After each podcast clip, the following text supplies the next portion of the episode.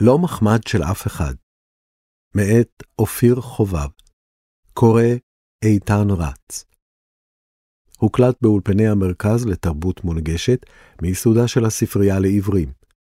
עריכה טכנית אלעד לוין. לפני כשנה ישב האומן מוטי מזרחי עם חבר לצהריים. המסעדה הייתה מלאה, אבל קרקושי הצלחות ומלמולי הסועדים התגמדו לעומת כלבלב דעתן שלא הפסיק לנבוח.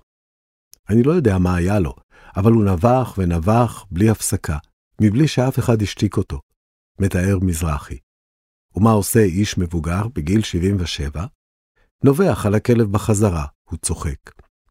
התחיל שם קרב נביחות שלא ברור מי ניצח בסופו, מרוב שעשינו שם כזה רעש ובלגן. כמה ימים לאחר מכן, הפך מזרחי את האירוע הזה לעבודת פרפורמנס, אותה הציג בכנס במחלקה לתרבות חזותית וחומרית בבצלאל בפברואר בשנה שעברה, שעסק במרד הסטודנטים המפורסם שאירע בבית הספר ב-1977. מזרחי, שבתקופת לימודיו בבצלאל שימש כיושב ראש ועד הסטודנטים, היה באותה עת בוגר טרי של המחלקה לאומנות, שימש כעוזר הוראה של משה גרשוני, והכיר את העניינים פחות או יותר מקרוב. בעבודה, עמד בקרבתו של מזרחי כלב קטן, שניהל מולו מערכה עיקשת ואבסורדית, בדומה לזו שאירעה במסעדה. מאחורי כל הסיפור הזה, שהוספתי לו גם נשימות וניפוח בלון, עומדת טענה די בסיסית, הוא אומר. תנו לי את הזכות המינימלית שיש אפילו לכלב. תנו לי את האפשרות להתבטא. זה לא שהוא מרגיש שלא נותנים לו להתבטא, הוא יסביר מעט מאוחר יותר, יעמוד על גאוותו. אלא שלעיתים נדמה לו שהאפשרות הזאת ניתנת לו באופן מוגבל, ותחת קטגוריות מסוימות.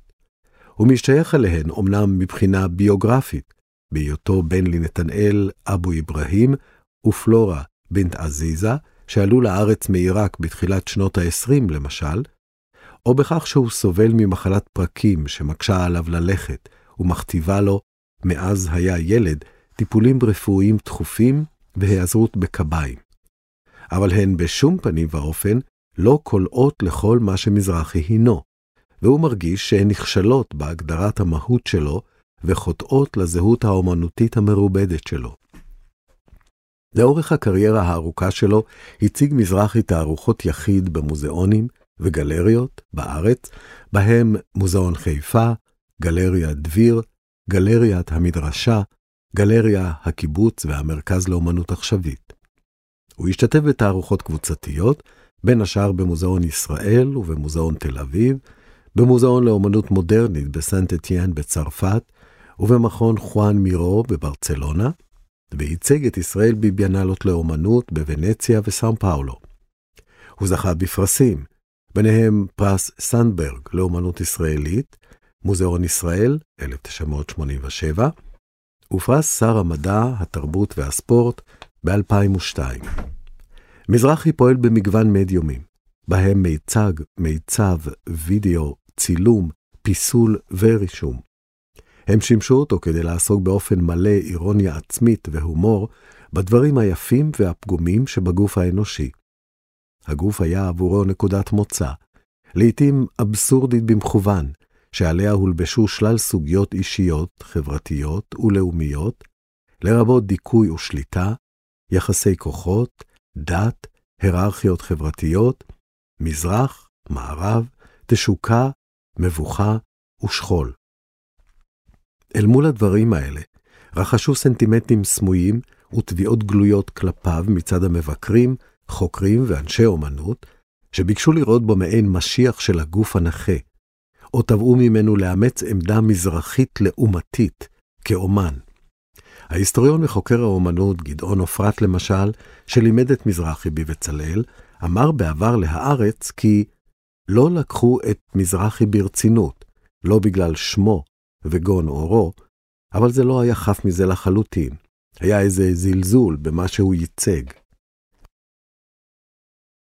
הזיהוי של מזרחי עם מזרחיות, הוסיף, עשה לו עוול.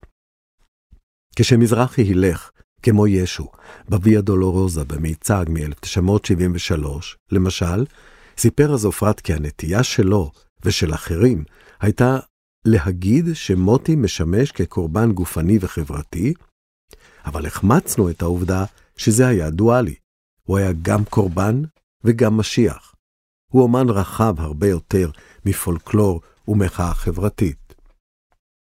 גם ב-1988, כשמזרחי נבחר לייצג את ישראל בביאנלה לאומנות בוונציה, בעוצרותו של אדם ברוך ולצד צדוק בן דוד, היו מי שביקשו לרדד את זהותו, להדביק עליו תווית של אותנטיות, או לראות בו דגם של אומן מזרחי.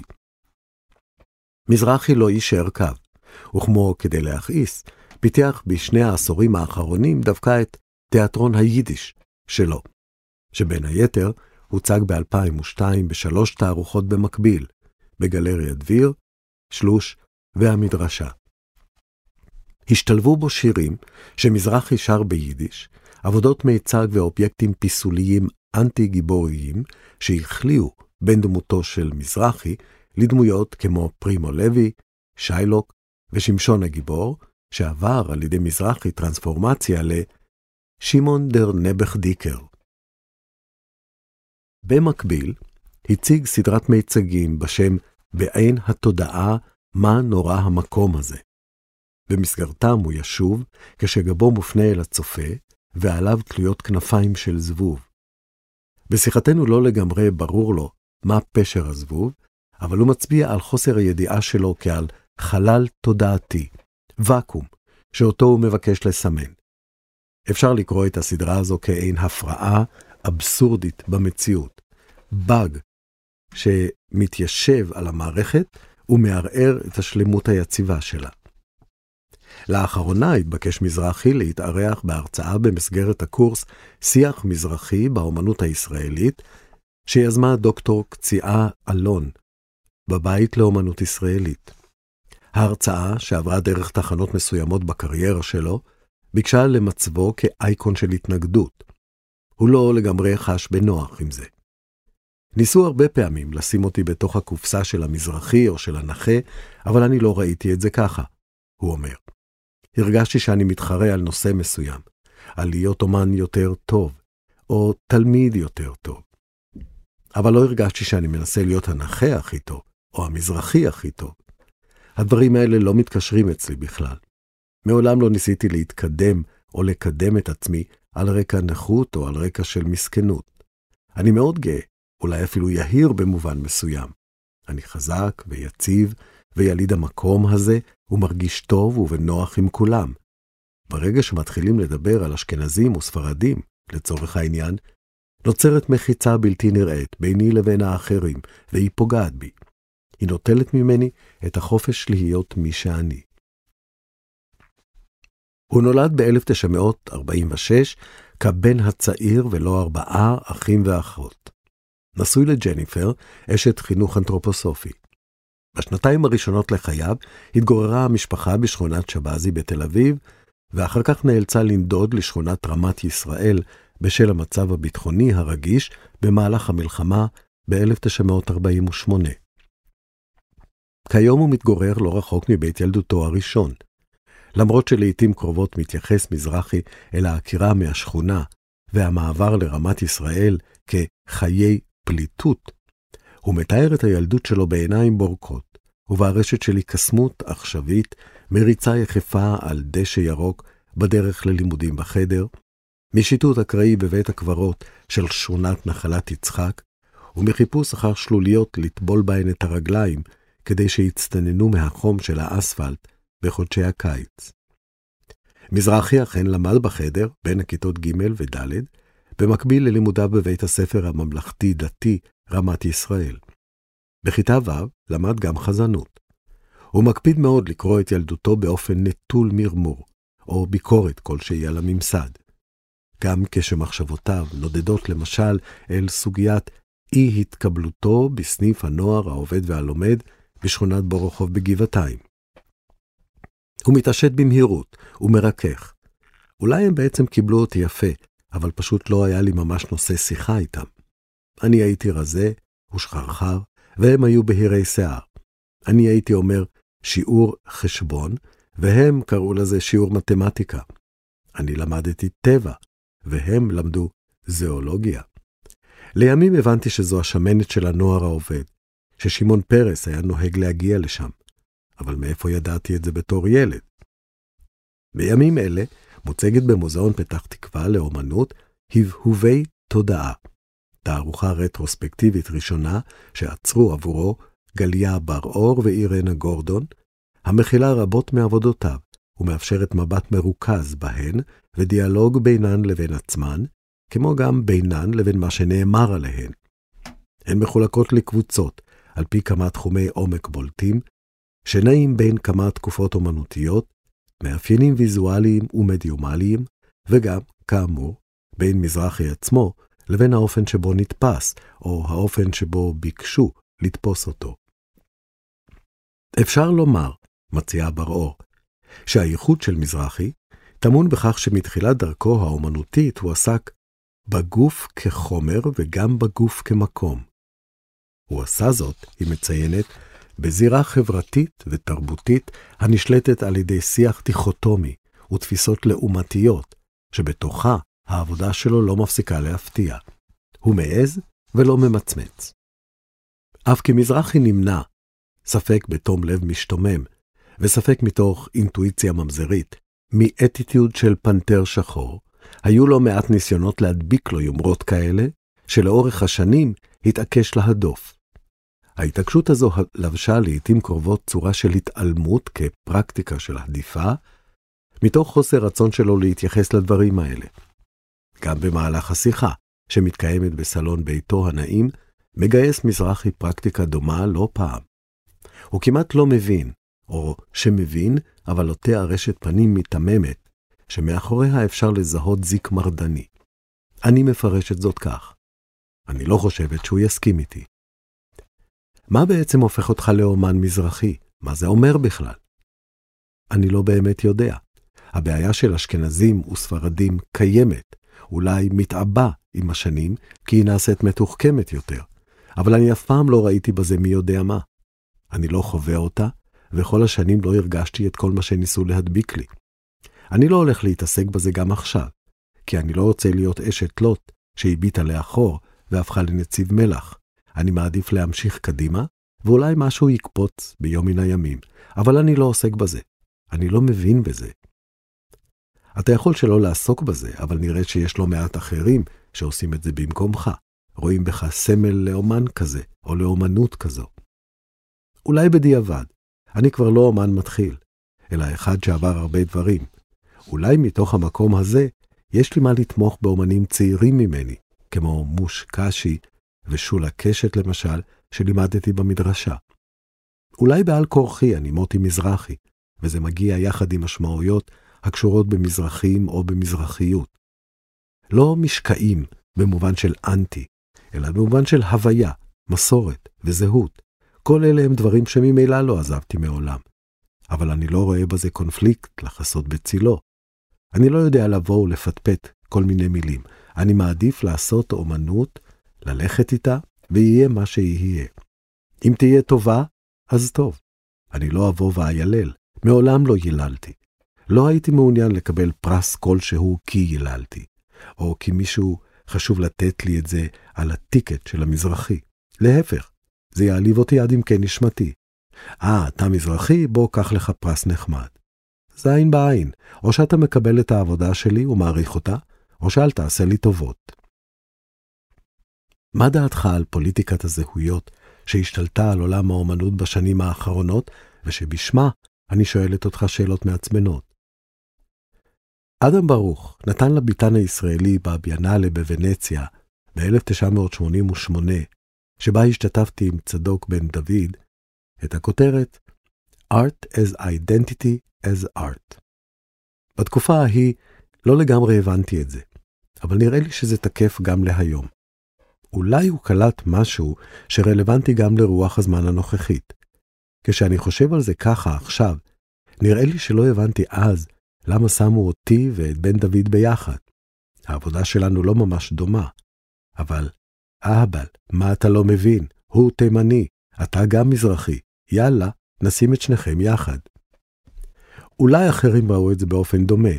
אני התעלמתי מזה. אני חושב שאם הנכות שלי הייתה מה שעומד מול העיניים שלי, או המוצא העדתי, הייתי פשוט משתתק. הייתי נחסם. אני צריך לשמוע את הקול שלי, נקי מבפנים, בלי הסחות דעת. אם הייתי מערב דברים זרים, לא הייתי יכול לפעול. אני לא איש של מילים גבוהות, ואני לא יודע איך לדבר היום באקלים הזה של פוליטיקלי קורקט ושל פוליטיקת הזהויות. אני יכול רק לומר שזה מפחיד אותי, כי אני מרגיש שאני עלול, חס וחלילה, לפגוע במישהו.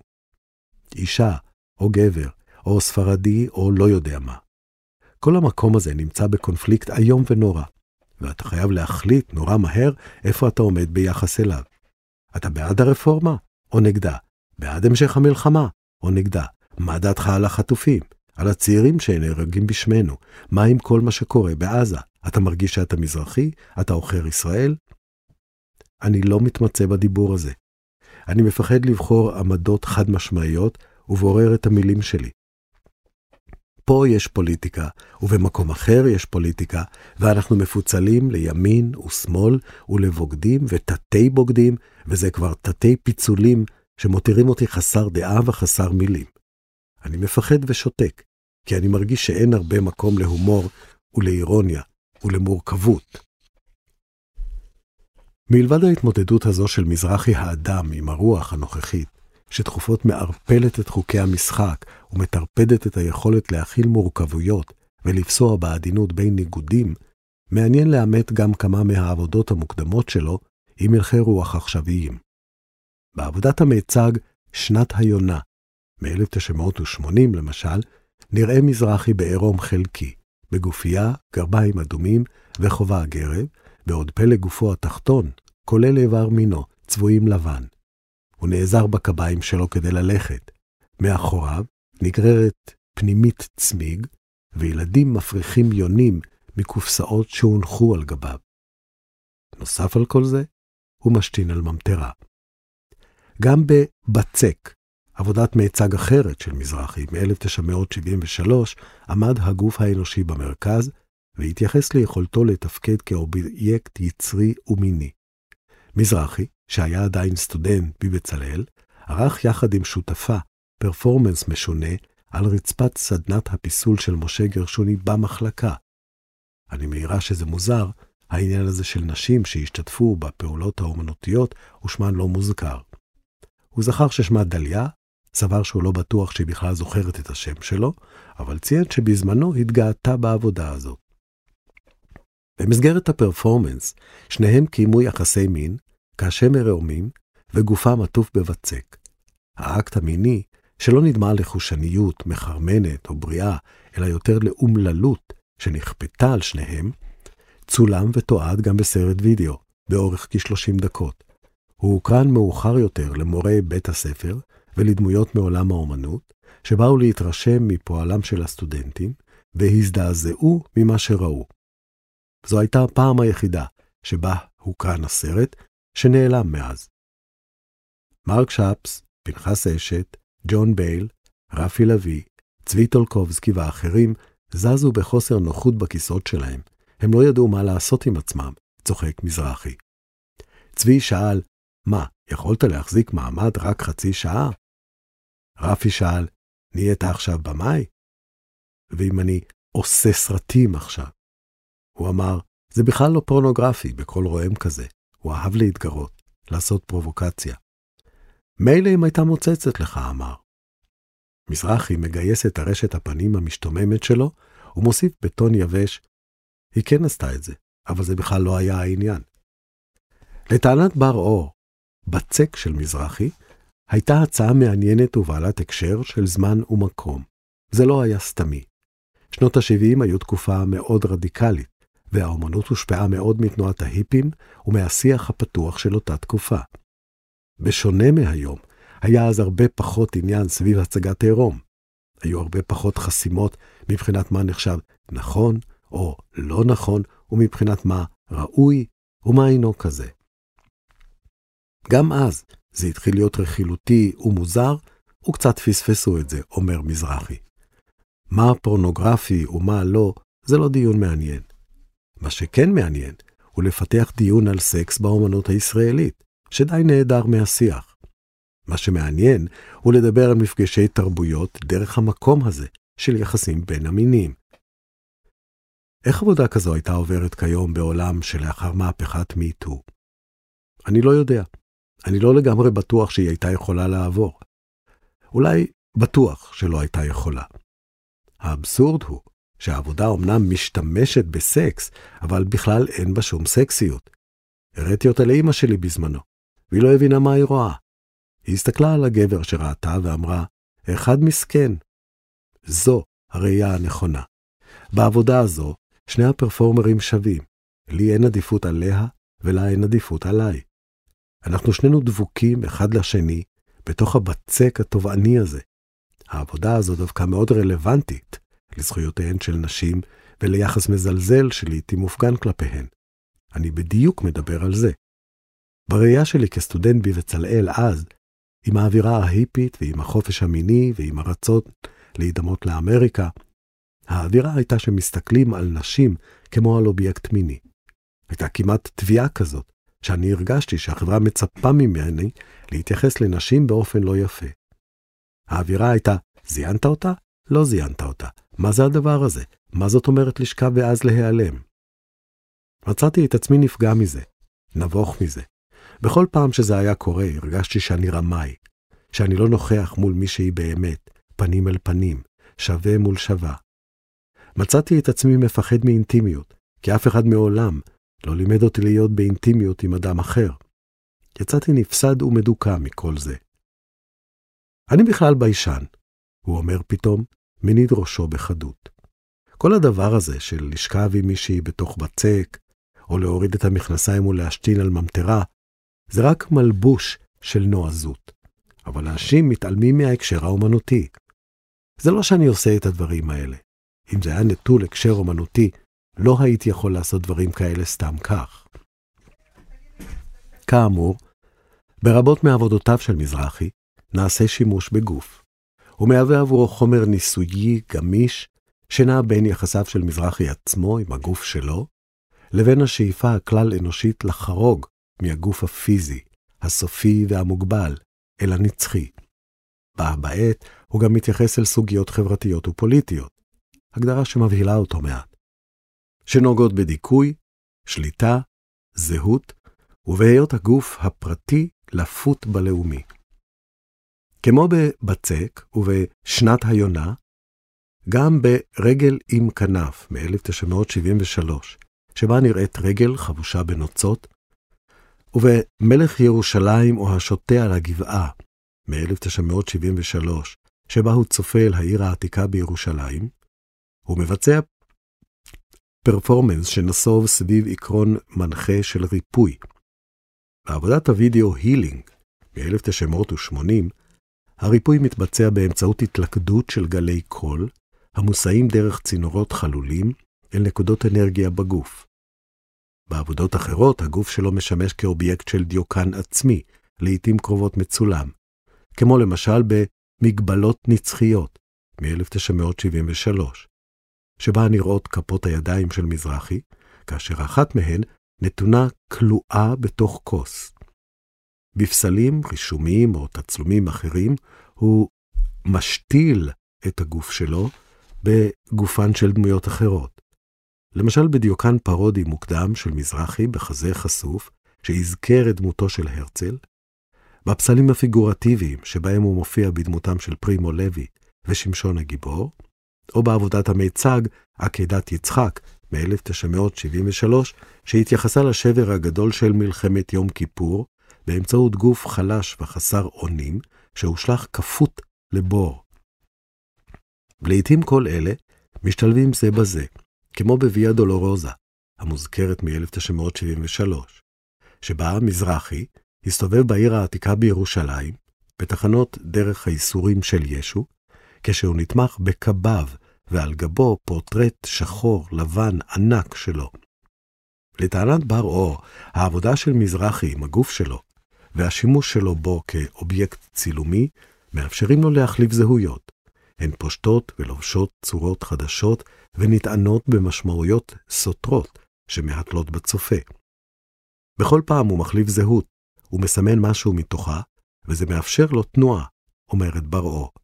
העבודה שלו עם הגוף, וכך גם הבחירה שלו לראות בצילום מדיום אומנותי לגיטימי, מה שלא היה מקובל באותה תקופה, היו נדירות בנוף המקומי.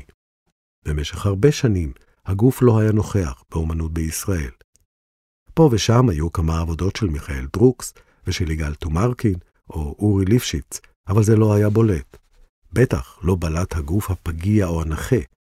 מסוף שנות ה-60 ותחילת שנות ה-70, ובעיקר לאחר מלחמת יום כיפור, יש כניסה של הגוף אל הזירה הזו, עם עבודות של אומנים כמו גדעון גכטמן, יוכבד ויינפלד וגם מוטי מזרחי.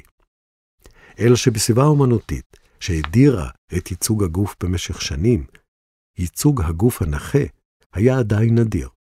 קל וחומר במקרים של נכות שלא נגרמה כתוצאה מפציעה במלחמה.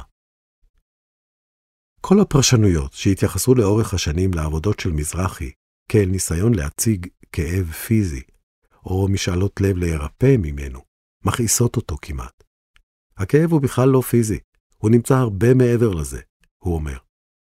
כשהיה מזרחי בן שנתיים, נהרג אחיו במלחמת העצמאות. יכול להיות, הוא מציע ביובש מריר, שזה שהוא נהרג נתן לו לגיטימציה להיות פה ולהרגיש חלק. המשפחה שלי הקיזה את דמה, אז אני שייך, הוא אומר. התגאיתי להגיד שאחי נהרג במלחמה. הרגשתי ככה שותף. אתה ממש מרגיש בתנודות הפנימיות האלה שלך מול עצמך, שאתה שואב סיפוק מלומר את הדברים האלה. זה יכול להרוג אותי היום. רק בגיל מאוחר יותר אתה מסתכל אחורה ומבין שבשם הדבר הזה פירקו לך את המשפחה. זו אמא שלך שמסתובבת ברחוב בוכייה. זה אבא שלך שנגמר מזה. זה האחים שלך שלא יכלו לחיות פה יותר. זה אתה שכואב לך עדיין, גם בגיל 77. זה לא אף אחד אחר. זו בטח לא התקשורת שממש עכשיו עם החטופים ומשפחות החיילים שנפלו, עושה את אותו הדבר שהיא עושה כבר שנים, ומתעללת בכאב שלך. הופכת אותך לשחקן שטחי. פעם, פעמיים ושלוש אתה מספר את הסיפור שלך, ולאט לאט אתה הופך לחלול. ממש אפשר לראות איך בטלוויזיה מחכים עד שמישהו יתיז דמעות. נו, ספר, ספר, הם אומרים לו. אז הוא מספר, והקהל מקבל את הבשר שחיכה לו, כולם מוחאים כפיים, ואז יוצאים לפרסומות, והוא נשאר ריק וריקני. בסופו של דבר, אתה מתחיל לשחק איזשהו משחק. אתה מתחיל לצטט. אני לא ידען גדול ולא רוצה לדבר בשמם של אחרים, אבל אני מדבר מתוך עצמי, וזה כאב שלא מרפא. כאב שלא ידעתי בכלל שהוא עדיין ישנו. ובכל פעם הוא מרים ראש. בתקופה האחרונה הוא לגמרי מרים את הראש. אני משתדל לא להתווכח עם עצמי, ואני גם לא יכול להתנגח עם אחרים, כי להם יש בוודאי קרניים חדות יותר ממה שלי יש, אבל אני יוצר מתוך זה עבודה. הצלחת ליצור מאז 7 באוקטובר? מה דעתך על עבודות שנוצרו פה מאז? בתקופת ההפגנות חוויתי פרץ יצירתי מסוים שהוביל לרישומים ולמחשבות על עבודות, אבל מאז שהחלה המלחמה, השתתקו המוזות. כבר לא היה לי מה להגיד, כי הכל כבר נאמר לפני. מה שנחוץ עכשיו זו דווקא שתיקה. קשה לי עם תגובות מיידיות. קשה לי להתייחס באופן ישיר לטבח. אני מרגיש שבמובן מסוים האומנות איבדה את הקול שלה. אין לי עדיין תשובה טובה לשאלה איך ליצור עבודת אומנות שתהיה בה בעת גם שתיקה וגם האימא של כל הזעקות. אני לא ממש מעורה במה שקורה, ולא ראיתי עבודות שנוצרו בתקופה האחרונה. אני מנסה לשמור על הנפש שלי, לפנות לה מקום. קשה להתבוסס בביוב הנורא הזה, ואז עוד ליצור מתוכו. קשה גם ככה, אז אני משתדל שלא להכביד עוד יותר. איך אתה מצליח שלא לנתב את זה לתוך שקיעה בבוט של מסכנות ושל דיכאון? הכאב הפיזי קיים, וישנו, והוא מצמית אותי, וגורם לי לבכות, ומתיש לי את כל הגוף עד שאני לא יכול לזוז, אבל אני משתדל ללכת לישון עם חלומות טובים בראש, וקם בבוקר, ושוטף את הפנים, ומתמלא איכשהו בכוחות שאני לא לגמרי יודע מאיפה הם מגיעים. אני בכלל מרוגז כרגע מזה שאין לי זמן לטפל עכשיו בכל העניינים שקשורים לתערוכה, מפני שאני רוצה ליצור עוד. יש אולי אפילו איזה פלוס בכאב, כי אתה מרגיש שאתה חי אחרת. אתה לא יכול פשוט סתם ככה לחלוף על פני החיים מבלי לדעת שבכלל חיית. יש בכאב אלמנט מסוים שמאט את החיים, מכנס את הדברים. הוא לא נותן לך לרוץ ולחלוף, כי הוא אוחז בך. אני משתדל לקחת את זה, וגם לנסות לא להיצמד לזה. לגלוש עם זה הלאה. לבכות כשכואב לי, ואז, כשזה עובר, לצחוק על איזה דבר.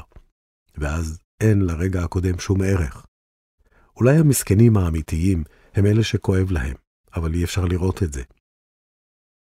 אני לא בטוחה אם מוטי שם לעצמו למטרה להעיד את הנכות במרכז העבודות, מוסיפה בר-אור. אלא שהוא מחזיק באיזה שוויון נפש כלפי הנכות שלו, מין, אוקיי, אני אמנם נכה, אבל לכל אחד יש איזה משהו.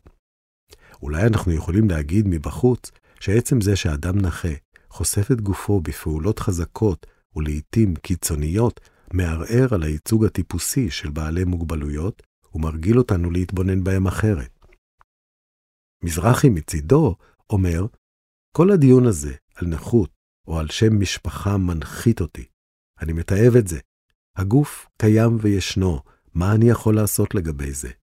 כמו ש-My name is מזרחי, what can I do? לשנות אותו למזור? מזח?